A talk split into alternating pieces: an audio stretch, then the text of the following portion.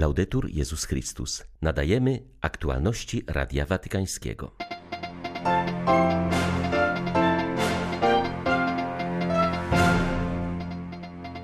Dzisiaj papież Franciszek wydał dekret ustanawiający świętego Ireneusza z Lyonu doktorem Kościoła. Ma być szczególnym orędownikiem na drodze jedności chrześcijan wschodu i zachodu. W obliczu napiętej sytuacji na Ukrainie biskupi Europy apelują do przywódców narodów, aby nie zapominali o tragediach wojen światowych ubiegłego wieku i bronili prawa do niepodległości i suwerenności terytorialnej każdego kraju. Z raportu papieskiej Rady do spraw popierania jedności chrześcijan dowiadujemy się, że pandemia miała duży wpływ na relacje ekumeniczne. W sytuacji kryzysowej chrześcijanie nauczyli się przemawiać jednym głosem. 21 stycznia witają Państwa ksiądz Krzysztof Ołdakowski i Krzysztof Bronk. Zapraszamy na serwis informacyjny.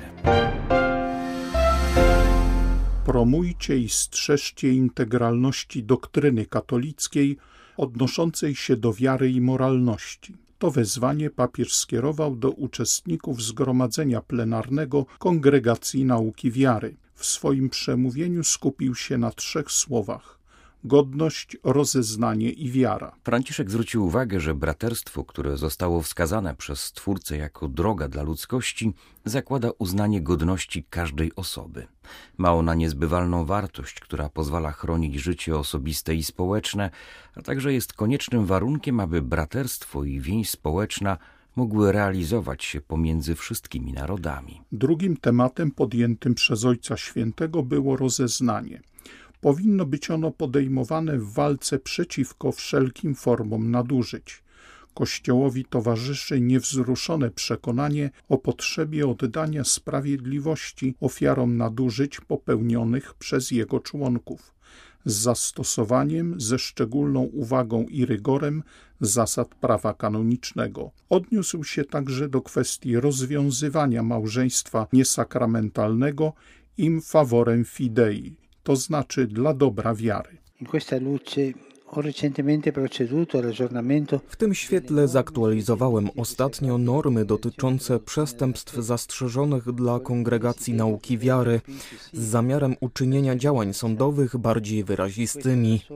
Działania sądowe nie wystarczą, aby powstrzymać to zjawisko, ale są niezbędnym krokiem w kierunku przywrócenia sprawiedliwości, naprawienia skandalu oraz oczyszczenia sprawcy z zarzutów. Podobne zobowiązanie do rozeznawania wyraża się także w innej dziedzinie, z którą macie do czynienia na co dzień. Rozwiązanie więzi małżeńskiej dla dobra wiary in favorem fidei. Kiedy na mocy władzy Piotrowej Kościół udziela zgody na rozwiązanie niesakramentalnego związku, nie chodzi tylko o ostateczne zakończenie związku, który w rzeczywistości już się rozpadł, ale poprzez ten duszpasterski akt chce zawsze wspierać wiarę katolicką w nowym związku i rodzinie, której zalążkiem będzie nowe małżeństwo. Ojciec Święty poruszył również temat rozeznawania w procesie synodalnym. Niektórym wydaje się, że droga synodalna polega na wysłuchiwaniu wszystkich, przeprowadzeniu ankiety i podaniu wyników. Nie może być jednak mowy o procesie synodalnym bez rozeznawania. To właśnie rozeznanie uczyni synod prawdziwym synodem, w którym najważniejszą postacią jest Duch Święty. Ojciec Święty podjął następnie kwestię wiary. Zaznaczył, że kongregacja nauki wiary jest wezwana, aby nie tylko bronić wiary, ale również ją promować. Bez wiary obecność wierzących w świecie ograniczałaby się do działalności humanitarnej. Wiara powinna być sercem życia i działania każdego ochrzczonego. I nie chodzi tu o wiarę ogólnikową czy mglistą, jak gdyby chodziło o rozwodnione wino, które traci swoją wartość, ale o wiarę prawdziwą, zdrową, takiej, której pragnie Pan, gdy mówi do uczniów: Gdybyście mieli wiarę jak ziarnko gorczycy. Dlatego nie wolno nam nigdy zapominać, że wiara, która nie stawia nas w kryzysie, jest wiarą w kryzysie. Wiara, która nie sprawia, że wzrastamy, jest wiarą, która powinna wzrastać. Wiara, która nas nie kwestionuje, jest wiarą, o którą musimy pytać samych siebie. Wiara, która nas nie ożywia, jest wiarą, która musi być ożywiana. Wiara, która nas nie porusza, jest wiarą, która musi być poruszona. Na zakończenie Franciszek zachęcił, aby współpracować z Duchem Świętym i między sobą, aby ogień, który Jezus przyniósł na świat, mógł dalej płonąć i zapalać serca wszystkich. Papież wydał dzisiaj dekret nadający tytuł doktora Kościoła świętemu Ireneuszowi z Lyonu. Pochodził on ze wschodu, ale sprawował swoją posługę biskupią na zachodzie. Był zatem duchowym i teologicznym pomostem łączącym dwa płuca chrześcijaństwa. W dekrecie czytamy, że imię nowego doktora Ireneusz wyraża ten pokój, który pochodzi od Pana i który łączy, przywracając jedność. Właśnie z racji tych powodów, po zasięgnięciu opinii Kongregacji Spraw Kanonizacyjnych, Franciszek postanowił ogłosić świętego Ireneusza doktorem jedności. Ojciec Święty życzy, aby nauczanie tego wielkiego mistrza coraz bardziej zachęcało wszystkich uczniów Pana do podążania drogą ku pełnej komunii. Relacje między chrześcijanami różnych wyznań często są uwarunkowane przez czynniki kulturowe, polityczne oraz społeczne.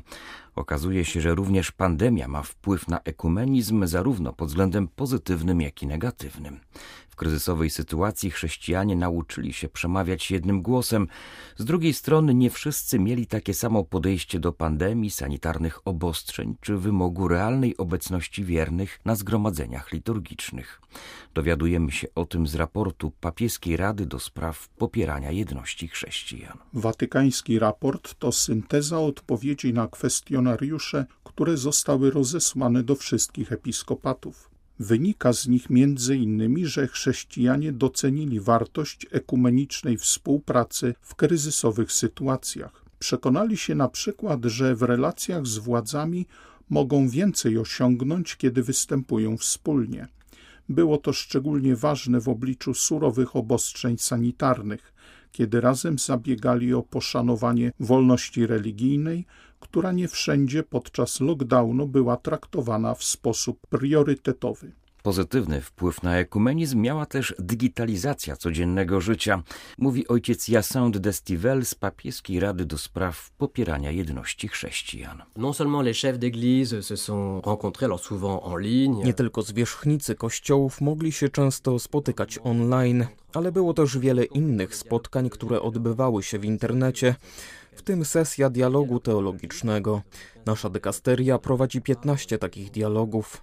Niektóre doprowadziły nawet do uzgodnienia stanowisk i przygotowania wspólnych dokumentów. Ale jeszcze ciekawsze jest to, że na szczeblu lokalnym, dzięki transmisjom liturgii w internecie, różne wspólnoty chrześcijańskie mogły się nawzajem oglądać. Protestanci mogli oglądać msze katolickie, katolicy mogli oglądać modlitwy charyzmatyczne wspólnot ewangelikalnych. Owocem tego jest lepsze wzajemne poznanie, ale też większa wrażliwość. Na przykład w raporcie z Białorusi wspomina się, że świadomość tego, że mogą nas oglądać inni chrześcijanie, doprowadziła do większej ostrożności w kazaniach, w tym co się mówi. Z tego samego powodu przywiązywano większą wagę do symboliki naszych ceremonii, aby były one bardziej czytelne. Ta świadomość, że inni nas oglądają, rozwinęła więc wrażliwość ekumeniczną. Le fait de se savoir regarder par les autres. Przewodniczący Rady Konferencji Episkopatów Europy, arcybiskup Gintaras Gruszas apeluje o pokój na Ukrainie. W imieniu biskupów Starego Kontynentu wyraża też swoją bliskość z kościołami na Ukrainie i wszystkimi jej mieszkańcami. Metropolita Wileński zwraca się do wspólnoty międzynarodowej o wsparcie dla tego kraju w obliczu niebezpieczeństwa rosyjskiej ofensywy podczas gdy cała wspólnota międzynarodowa interpretuje działania rosyjskich sił zbrojnych jako realne zagrożenie dla pokoju na całym świecie, my w tym czasie lęku i niepewności o przyszłość kraju obejmujemy naszych braci i siostry w wierze oraz cały naród ukraiński, czytamy w apelu biskupów europejskich. Pasterze kościołów w Europie apelują do przywódców narodów, aby nie zapominali o tragediach wojen światowych ubiegłego wieku i bronili prawa międzynarodowego oraz niepodległości i suwerenności terytorialnej każdego kraju. Wraz z Ojcem Świętym wzywają rządzących, aby znaleźli na Ukrainie rozwiązanie możliwe do przyjęcia i trwałe, oparte na dialogu i negocjacjach bez sięgania po broń tym niezwykle delikatnym momencie proszą chrześcijan o modlitwę o dar pokoju na Ukrainie, aby rządzący zostali zarażeni dobrem pokoju i aby kryzys został przezwyciężony wyłącznie poprzez dialog. Francuscy biskupi zachęcają do udziału w wyborach prezydenckich. Rada Stała Episkopatu wydała dokument wzywający do refleksji nad tematami, które powinny zostać uwzględnione podczas wyborów. Biskupi są też zaniepokojeni narastającą polaryzacją społeczeństwa, gwałtownością wystąpień politycznych, a nawet aktami przemocy, które towarzyszą kampanii wyborczej. Francuzi pójdą do urn 10 kwietnia. Rozmawiając z Radiem Watykańskim, przewodniczący Episkopatu Francji przypomina, że fundamentem życia społecznego i demokracji jest postanowienie, że jako obywatele będziemy żyć w pokoju. Kampania wyborcza to chwila, kiedy wszyscy, indywidualnie i wspólnotowo, powinni potwierdzić to postanowienie. Arcybiskup Eric de Moulin-Beaufort przyznaje, że w dzisiejszym świecie jest wiele powodów do niepokoju. Trzeba jednak pamiętać, że strach jest złym doradcą, a chaos, wrogość czy podziały nie zapewnią nam pomyślnej przyszłości, mówi metropolita Reims. Dodaje zarazem, że niepokojącym zjawiskiem dla demokracji we Francji jest coraz większa absencja wyborcza.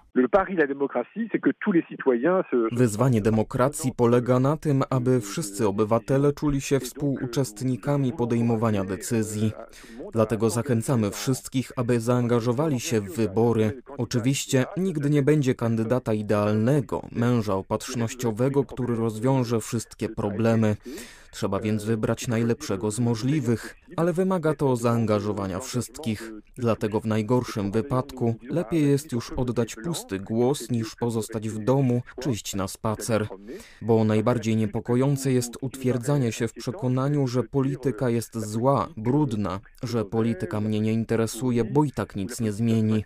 Takie wypowiedzi możemy dziś znaleźć w prasie, w wywiadach ze zwykłymi obywatelami. Dlatego my, jako biskupi, zachęcamy naszych rodaków, by poważnie potraktowali te wybory, by wierzyli, że każdy z nas jest za nie odpowiedzialny.